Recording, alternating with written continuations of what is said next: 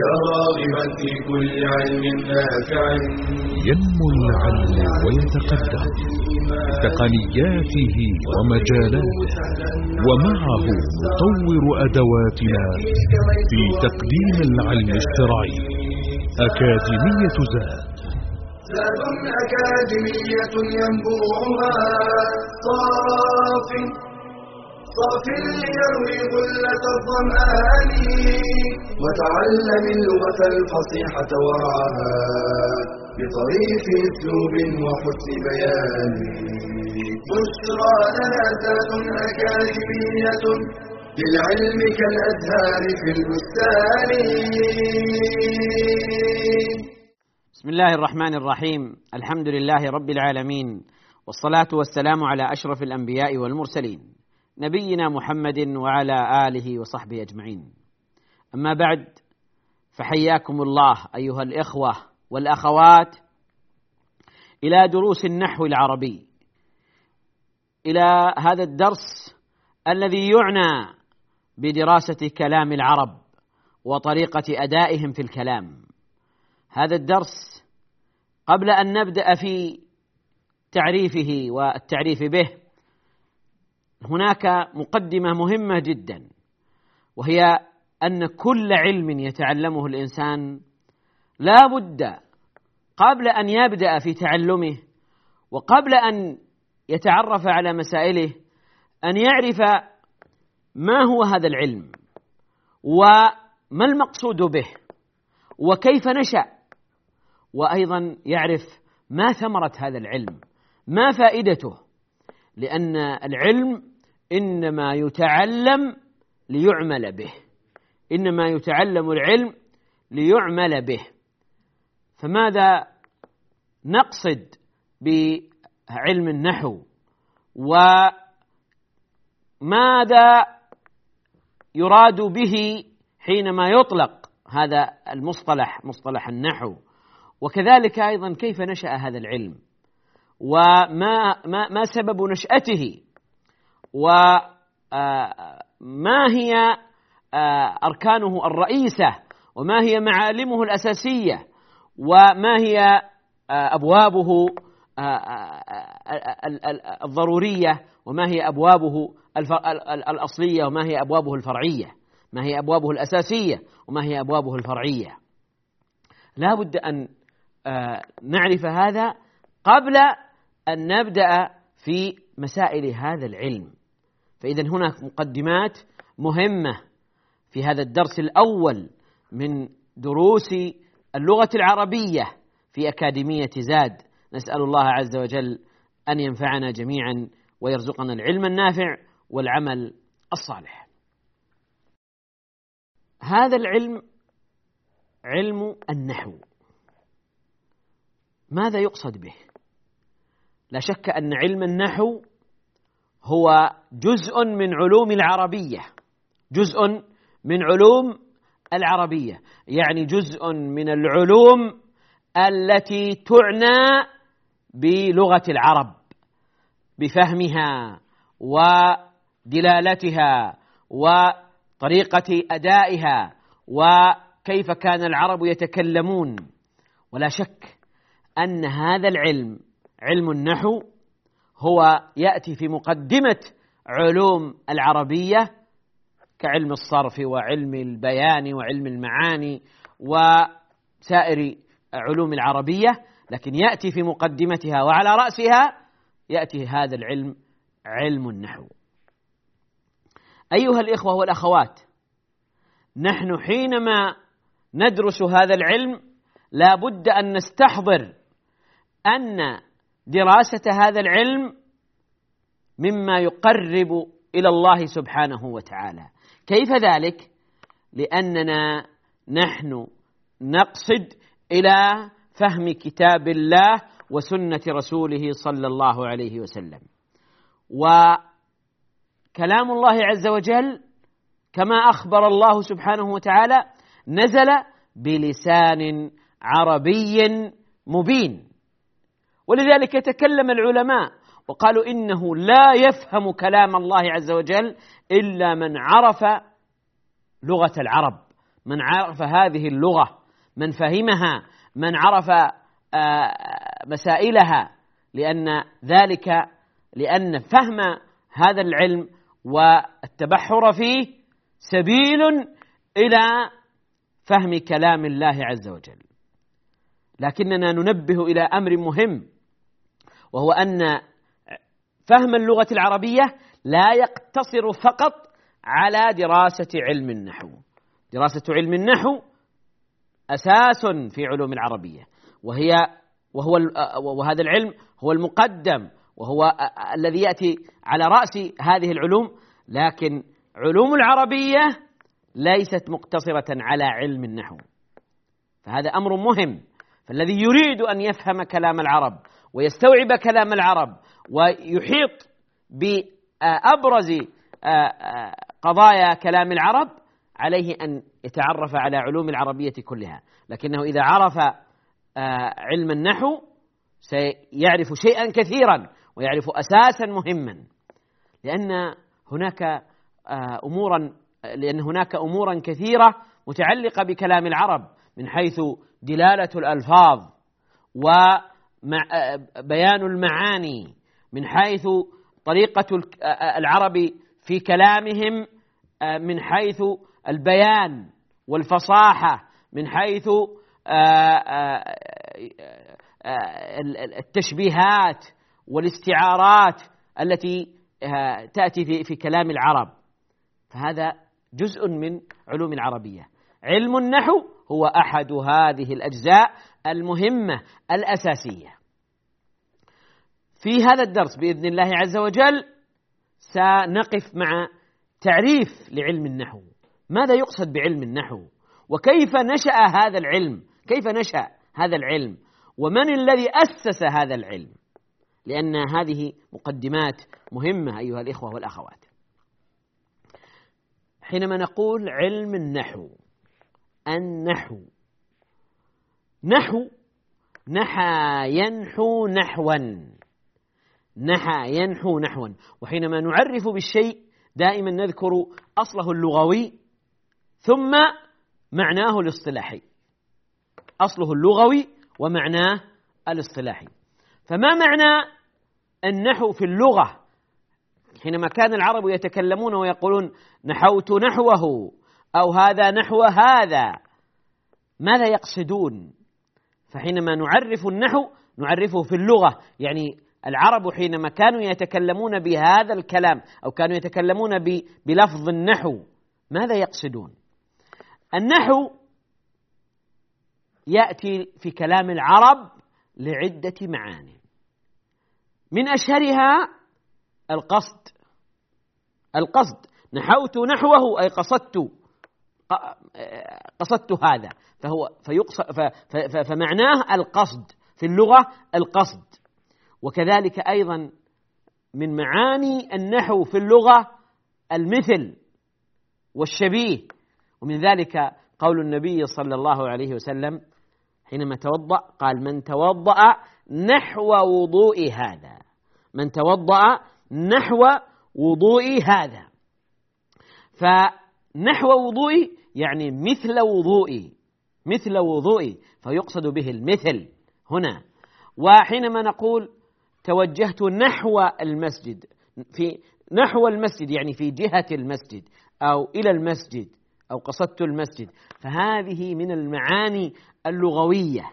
لكن من أشهر المعاني اللغوية لكلمة نحى ينحو نحوا ها المقصود بها القصد يعني قصدت إلى هذا الأمر. قصدت إلى هذا الأمر. أيها الإخوة فاصل ثم نواصل الحديث عن هذا العلم. نسأل الله التوفيق. بشرى أكاديمية للعلم كالأزهار في البستان.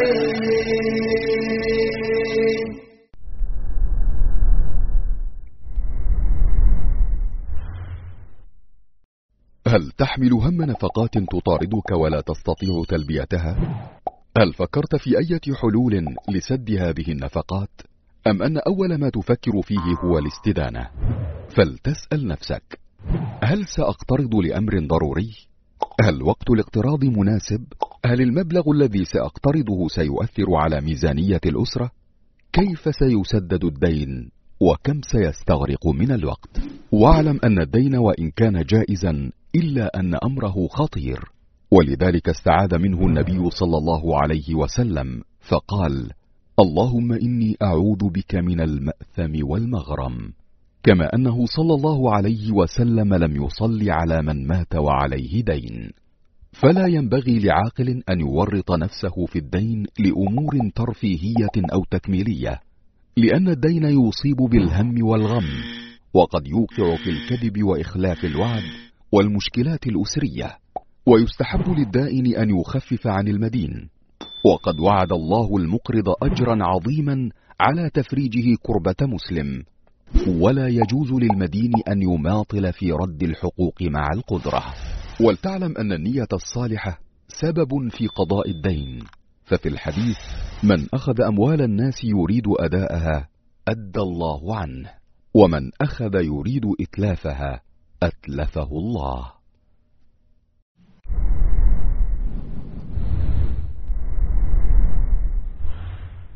بشرى أكاديمية للعلم كالأزهار في البستان.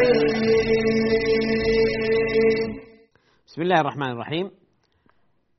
تحدثنا قبل الفاصل أيها الإخوة عن تعريف كلمة نحى أو عن تعريف هذا اللفظ نحى ينحو نحوا. هذا الفعل نحى الماضي وينحو المضارع ونحوا المصدر. ماذا يقصد به في اللغة؟ وقلنا إنه في اللغة في لغة العرب آه، يراد به القصد ويراد به المثل ويراد به آه، الجهة آه، وما أشبه ذلك. سنقف على بعض هذه المعاني اللغوية ثم نتحدث عن تعريف علم النحو في الاصطلاح حينما أصبح مصطلحا على هذا العلم ماذا يقصد به؟ وهذا أمر مهم نتعرف على ذلك من خلال شاشة العرض فتعالوا معنا.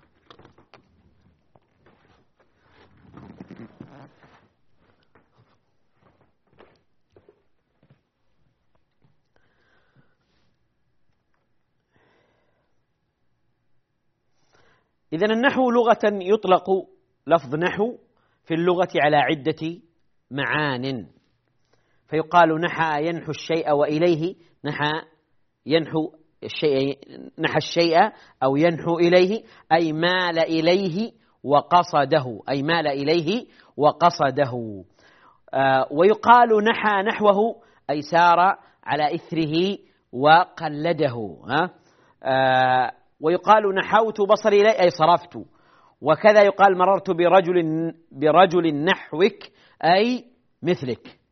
وكما ذكرنا أيضا في الحديث النبوي من توضأ نحو وضوء هذا. نحو وضوء هذا يعني مثل وضوء هذا. آه، جمع بعضهم آه، معاني آه، نحو في اللغة فقال للنحو سبع معان قد أتت لغة جمعتها ضمن بيت مفرد كملا قصد ومثل ومقدار وناحية نوع وبعض وحرف فاحفظ المثل وأظهر معاني النحو لغة وأكثرها تداولا هو القصد هو القصد. وهو الأقرب إلى المعنى الاصطلاحي. وهنا أمر مهم جدا سيأتي معنا لكن نشير إليه. أنه يقال إن اختيار هذا المصط... هذا هذا اللفظ ليكون مصطلحا لهذا العلم هو جاء من توجيه آه، علي بن أبي طالب رضي الله عنه لأبي الأسود الدؤلي حينما آه، عرض عليه أبو الأسود شيئا مما آه، يعني وضعه في في في هذا العلم أو بداية هذا العلم فقال له علي بن أبي طالب أنحو هذا النحو. يعني سر على هذا المنوال واقصد هذا الأمر. انحو هذا النحو. آه، ومن ذلك سمي علم النحو بهذا الاسم لأن المتكلم ينحو به نحو كلام العرب. يعني يقصد آه، آه، كلام العرب. يعني يقصد أن يكون شبيها بكلام العرب. ويقصد منهاج كلام العرب في الإفراد وفي التركيب وفي الإفراد وفي التركيب. إذا النحو في اللغة في لغة العرب لغة النحو لغة يطلق على عدة معان منها القصد والمثل والمقدار والناحية والناحية أو الجهة. ذهبت نحو المكان الفلاني يعني ناحية المكان الفلاني. وأشهرها القصد وأشهرها القصد. هذا تعريف النحو في في اللغة. يعني في كلام العرب كيف كانوا يستعملون هذا هذا هذا اللفظ؟ كيف كانوا يستعملون الفعل نحى ويستعملون الفعل ينحو ويستعملون الفعل نحو أو المصدر نحو نحوا. كيف كانوا يستعملونه في كلامهم؟ في كلامهم. وما زلنا أيضا وما زلنا نحن نتكلم نأتي أحيانا بهذا اللفظ ونقصد به المعنى اللغوي ولا نقصد به معنى الاصطلاحي. يعني حينما أقول ذهبت نحو المسجد نحو المسجد لا لا يتبادر إلى الذهن ابدا أن اللفظ هنا اصطلاحي بمعنى العلم الذي آه، هو علم النحو وإنما يقصد به ناحية المسجد أو جهة المسجد آه، أو ما أشبه ذلك. فنحن أيضا ما زلنا نستعمل هذا الاستعمال اللغوي لكن ما المقصود بالنحو الذي هو علم هذا المصطلح الذي أصبح علما معروفا منذ القرن الثاني الهجري أو ما قبل ذلك إلى اليوم ماذا نقصد بهذا العلم؟ هذا أمر مهم جدا أهم من معرفة المعنى اللغوي ماذا نقصد بعلم النحو؟ ما هي حدود علم النحو؟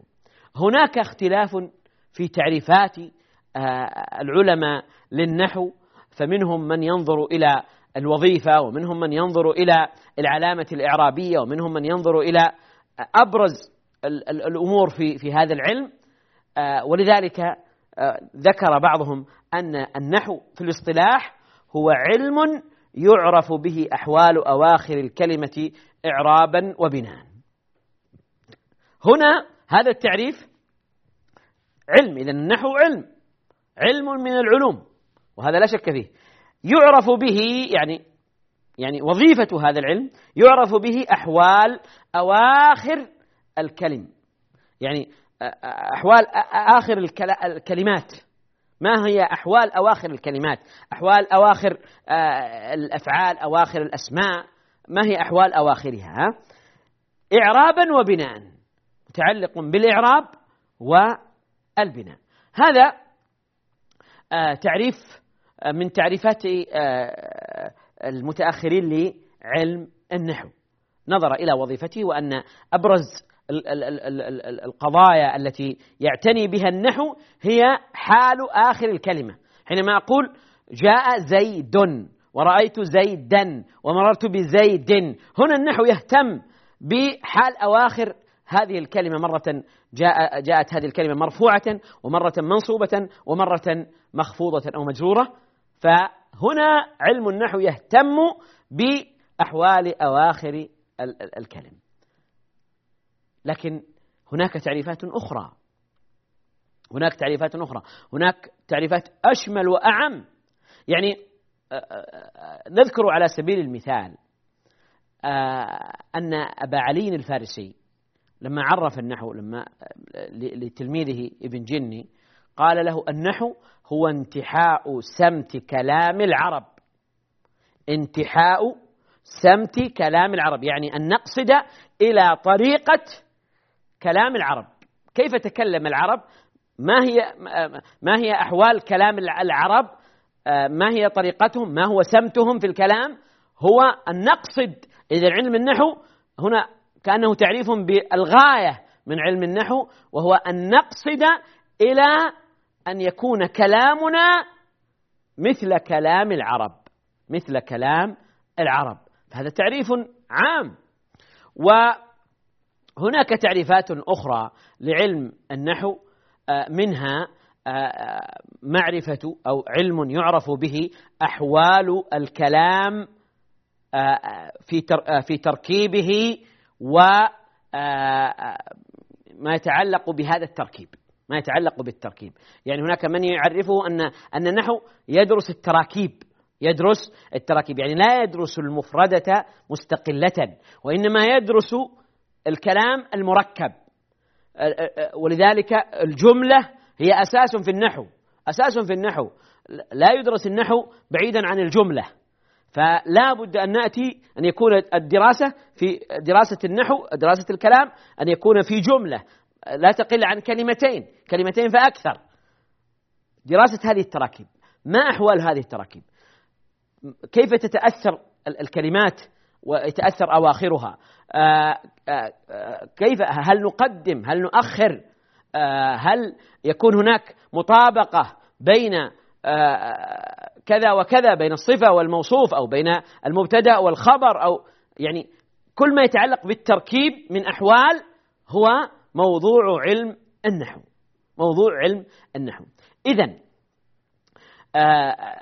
مهم جدا أن نعرف المقصود بهذا العلم أنه علم يدرس يدرس أحوال الكلمات في التراكيب.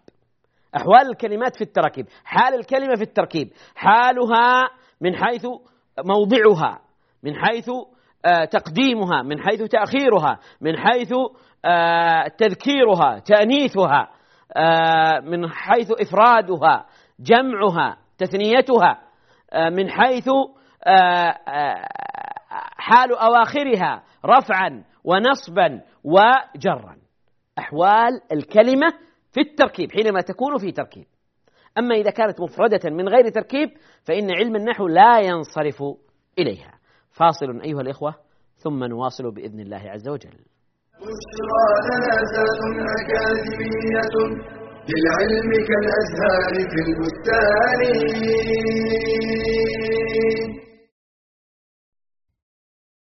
فارق كبير. بين من يسافر لنزهة سياحية أو لمشاهدة مباراة وبين من يسافر لطلب العلم. فالرحلة لطلب العلم موصلة إلى سعادة الأبد.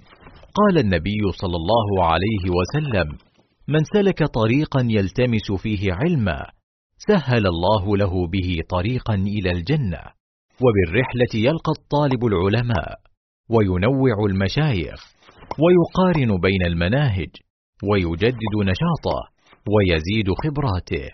قال الشعبي لو أن رجلا سافر من أقصى الشام إلى أقصى اليمن فحفظ كلمة تنفعه رأيت أن سفره لا يضيع. وهل من شيء أشرف من العلم يرحل في طلبه؟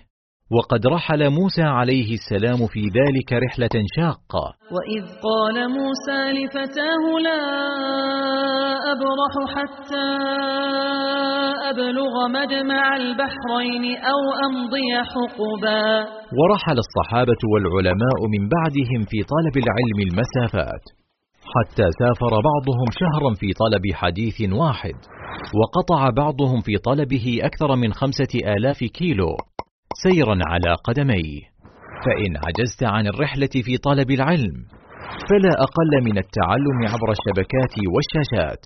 قال النبي صلى الله عليه وسلم سددوا وقاربوا والقصد القصد تبلغوا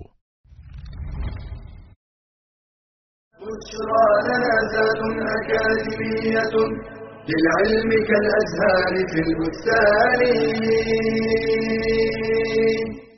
بسم الله الرحمن الرحيم. ذكرنا أيها الإخوة قبل الفاصل الحديث عن تعريف هذا العلم والتعريف به ماذا يقصد به. لكن السؤال الآن من هو مؤسس هذا العلم؟ من الذي أسسه؟ هناك روايات كثيرة في الحديث عن آه، مؤسس هذا العلم وعلى يد من نشأ هذا العلم لكن من أشهرها أن واضع أساس هذا العلم هو التابعي أبو الأسود الدؤلي. أبو الأسود الدؤلي المتوفى سنة 69 للهجرة.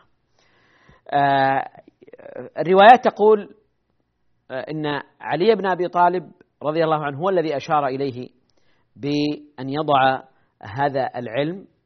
وهناك روايات كثيرة الحقيقة آه، لكن من أشهرها أن أبا الأسود الدؤلي يعني سمع قارئا يقرأ القرآن فأخطأ ولحن ف أراد أن يصلح هذا اللحن وبدأ يفكر فيه وعرض على علي بن أبي طالب هذا الأمر. هذه من الروايات يعني. عرض على علي بن أبي طالب هذا الأمر ف آه، يعني آه، حمسه لذلك وشجعه وحفزه إلى ذلك علي بن أبي طالب ليكمل المسير في تأسيس علم يحفظ به اللسان العربي. ولذلك يعني آه، إذا عرفنا هذه هذا هذا الأمر وعرفنا أن النشأة كانت من هذا المنطلق نعرف أن آه، يعني الثمرة لعلم النحو هو حفظ لسان اللسان العربي حفظ اللسان العربي. وهذا من توفيق الله عز وجل آه، أن يسر من أهل العلم من آه، يؤسس هذا العلم ويقوم عليه ويضع أسسه ها ليحفظ هذا اللسان اللسان العربي. هذا اللسان العربي الذي هو محفوظ. وهذا من حفظ الله عز وجل من حفظ الله عز وجل لأنه مرتبط بكلام الله عز وجل وكلام الله محفوظ واللسان الذي نزل به سيكون محفوظا بإذن الله عز وجل. آه، قيل إن هذا كان بإشارة من علي بن أبي طالب رضي الله عنه وهو أي, أب أي أبو الأسود رحمه الله الذي وضع نقط الحركات المعروفة آه، نقط نقط يسمى نقط الحركات بمعنى آه، نقط الفتحة والضمة والكسرة. عندما اختار كاتبا وأمره أن يأخذ المصحف وصبغا يخالف لون المداد وقال له إذا رأيتني قد فتحت فمي بالحرف فانقط نقطة فوقه على أعلاه. فإن ضممت فمي فانقط نقطة بين يدي الحرف وإن كسرت فاجعل النقطة تحت الحرف فإن أتبعت هذه الحروف غنة يعني تنوينا فاجعل نقطتين حتى آتي على آخر المصحف. يعني يسمى نقط الإعراب.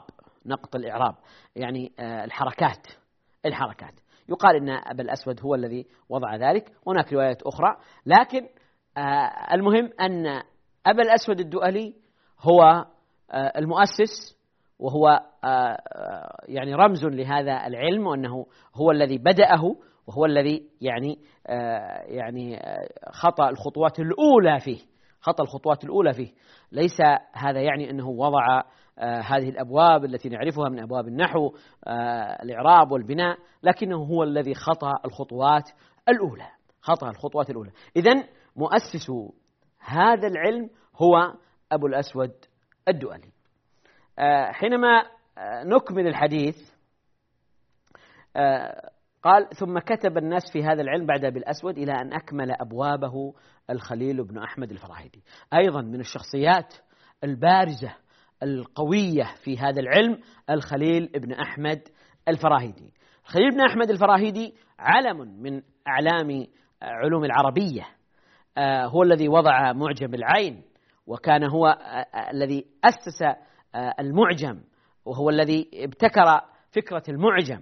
وكذلك أيضا هو الذي آه، أسس علم العروض علم العروض والقوافي آه، فهو شخصية عبقرية لها تأثيرها وقوتها في هذا العلم فهو كان من من خطأ أيضا خطوات كبيرة جدا في هذا العلم. لكن بين بين أبي الأسود الدؤلي والخليل بن أحمد آه، بينهما بينهما آه، أعلام أيضا كان لهم دور في آه، هذا العلم. ربما نذكر منهم مثلا عيسى بن عمر الثقفي وغيره كان لهم دور لأن أبا الأسود توفي كما ذكرنا سنة 69 والخليل سنة 70 و100 أو سنة 75 و100 آه، لكنه علم آه، كان كان مؤثرا كان له تلاميذ آه، كبار النحاة من تلاميذه. أشهر تلاميذه سيبويه. وسيبويه هو عالم النحو. إذا ذكر النحو ذكر سيبويه. وإذا ذكر سيبويه ذكر النحو. لا يعرف سيبويه إلا بالنحو ولا يعرف النحو من غير سيبويه. فسيبويه هو تلميذ الخليل الذي أخذ علم الخليل وفرع التفريعات وذكر الشواهد والأدلة وكتب كتابه المسمى كتاب سيبوي. كتاب سيبوي. ليس له عنوان آخر. ليس له عنوان آخر وإنما عنوانه كتاب سيبوي أو الكتاب. الكتاب. آه وهذا الكتاب هو أقدم وأول الكتب آه في هذا العلم. ونحن نعلم أن آه سيبويه توفي عام ثمانين ومائة للهجرة آه يعني بعد الخليل بسنوات آه وكتب كتابه وكتابه موجود بين أيدينا وهذا الكتاب هو أصل هذا العلم اليوم. كل من جاء بعد سيبويه فإنه أفاد من كتابه واعتمد عليه وكان أساس ما كتب يرجع إلى سيبويه. فإذا سيبويه إمام أيضا. فهؤلاء الثلاثة أبو الأسود الدؤلي الخليل بن أحمد الفراهيدي سيبويه هؤلاء هم أعلام أو كبار أعلام هذا العلم كبار أعلام هذا العلم. أبو الأسود الدؤلي هو الذي أسس هو الذي بدأ هو الذي خطى الخطوات الأولى. الخليل هو الذي جاء بالعلل يعني أصل لهذا العلم كان له مدرسة كان له تلاميذ. سيبويه هو الذي كتب أول كتاب. ولذلك يعني كتاب سيبويه يعتبر مرحلة يعني مهمة جدا من مراحل هذا العلم. فهو الأساس هذا الكتاب هذا الأساس. وكل من كتب في النحو بعده من العلماء في القرون المتلاحقة من القرن الثالث إلى اليوم كلهم يفيد من كتاب سيبويه ويرجع إليه ويعتمد عليه وينطلق منه وينطلق منه ويعني هذا من عجيب الدنيا هذا الكتاب. إذا أيها الإخوة والأخوات هذه لمحة موجزة عن من كان له الفضل بعد الله عز وجل في تأسيس هذا العلم وفي تفريعه وفي إنضاجه وفي يعني ذكر أسسه وأصوله التي اعتمد عليها العلماء في ترسيخ وترسية هذا العلم. أبو الأسود الدؤلي المؤسس الأول الخليل المؤسس الثاني سيبويه صاحب أقدم كتاب وأعظم كتاب في في في علم النحو والذي اعتمد عليه من جاء بعده. إذا أيها الإخوة في هذه الحلقة تعرفنا على علم النحو ما المقصود به في اللغة ما المقصود به في الاصطلاح ومن مؤسس هذا العلم بهذا نكون قد أتينا إلى نهاية وختام هذه الحلقة. إلى أن نلتقي في حلقة أخرى. أستودعكم الله. والسلام عليكم ورحمة الله وبركاته. تلك العلوم دروسها ميسورة في صرح علم الراسخ الأركان. بشرى لنا بشرى لنا بشرى لنا ذات أكاديمية. للعلم كالأزهار في البستان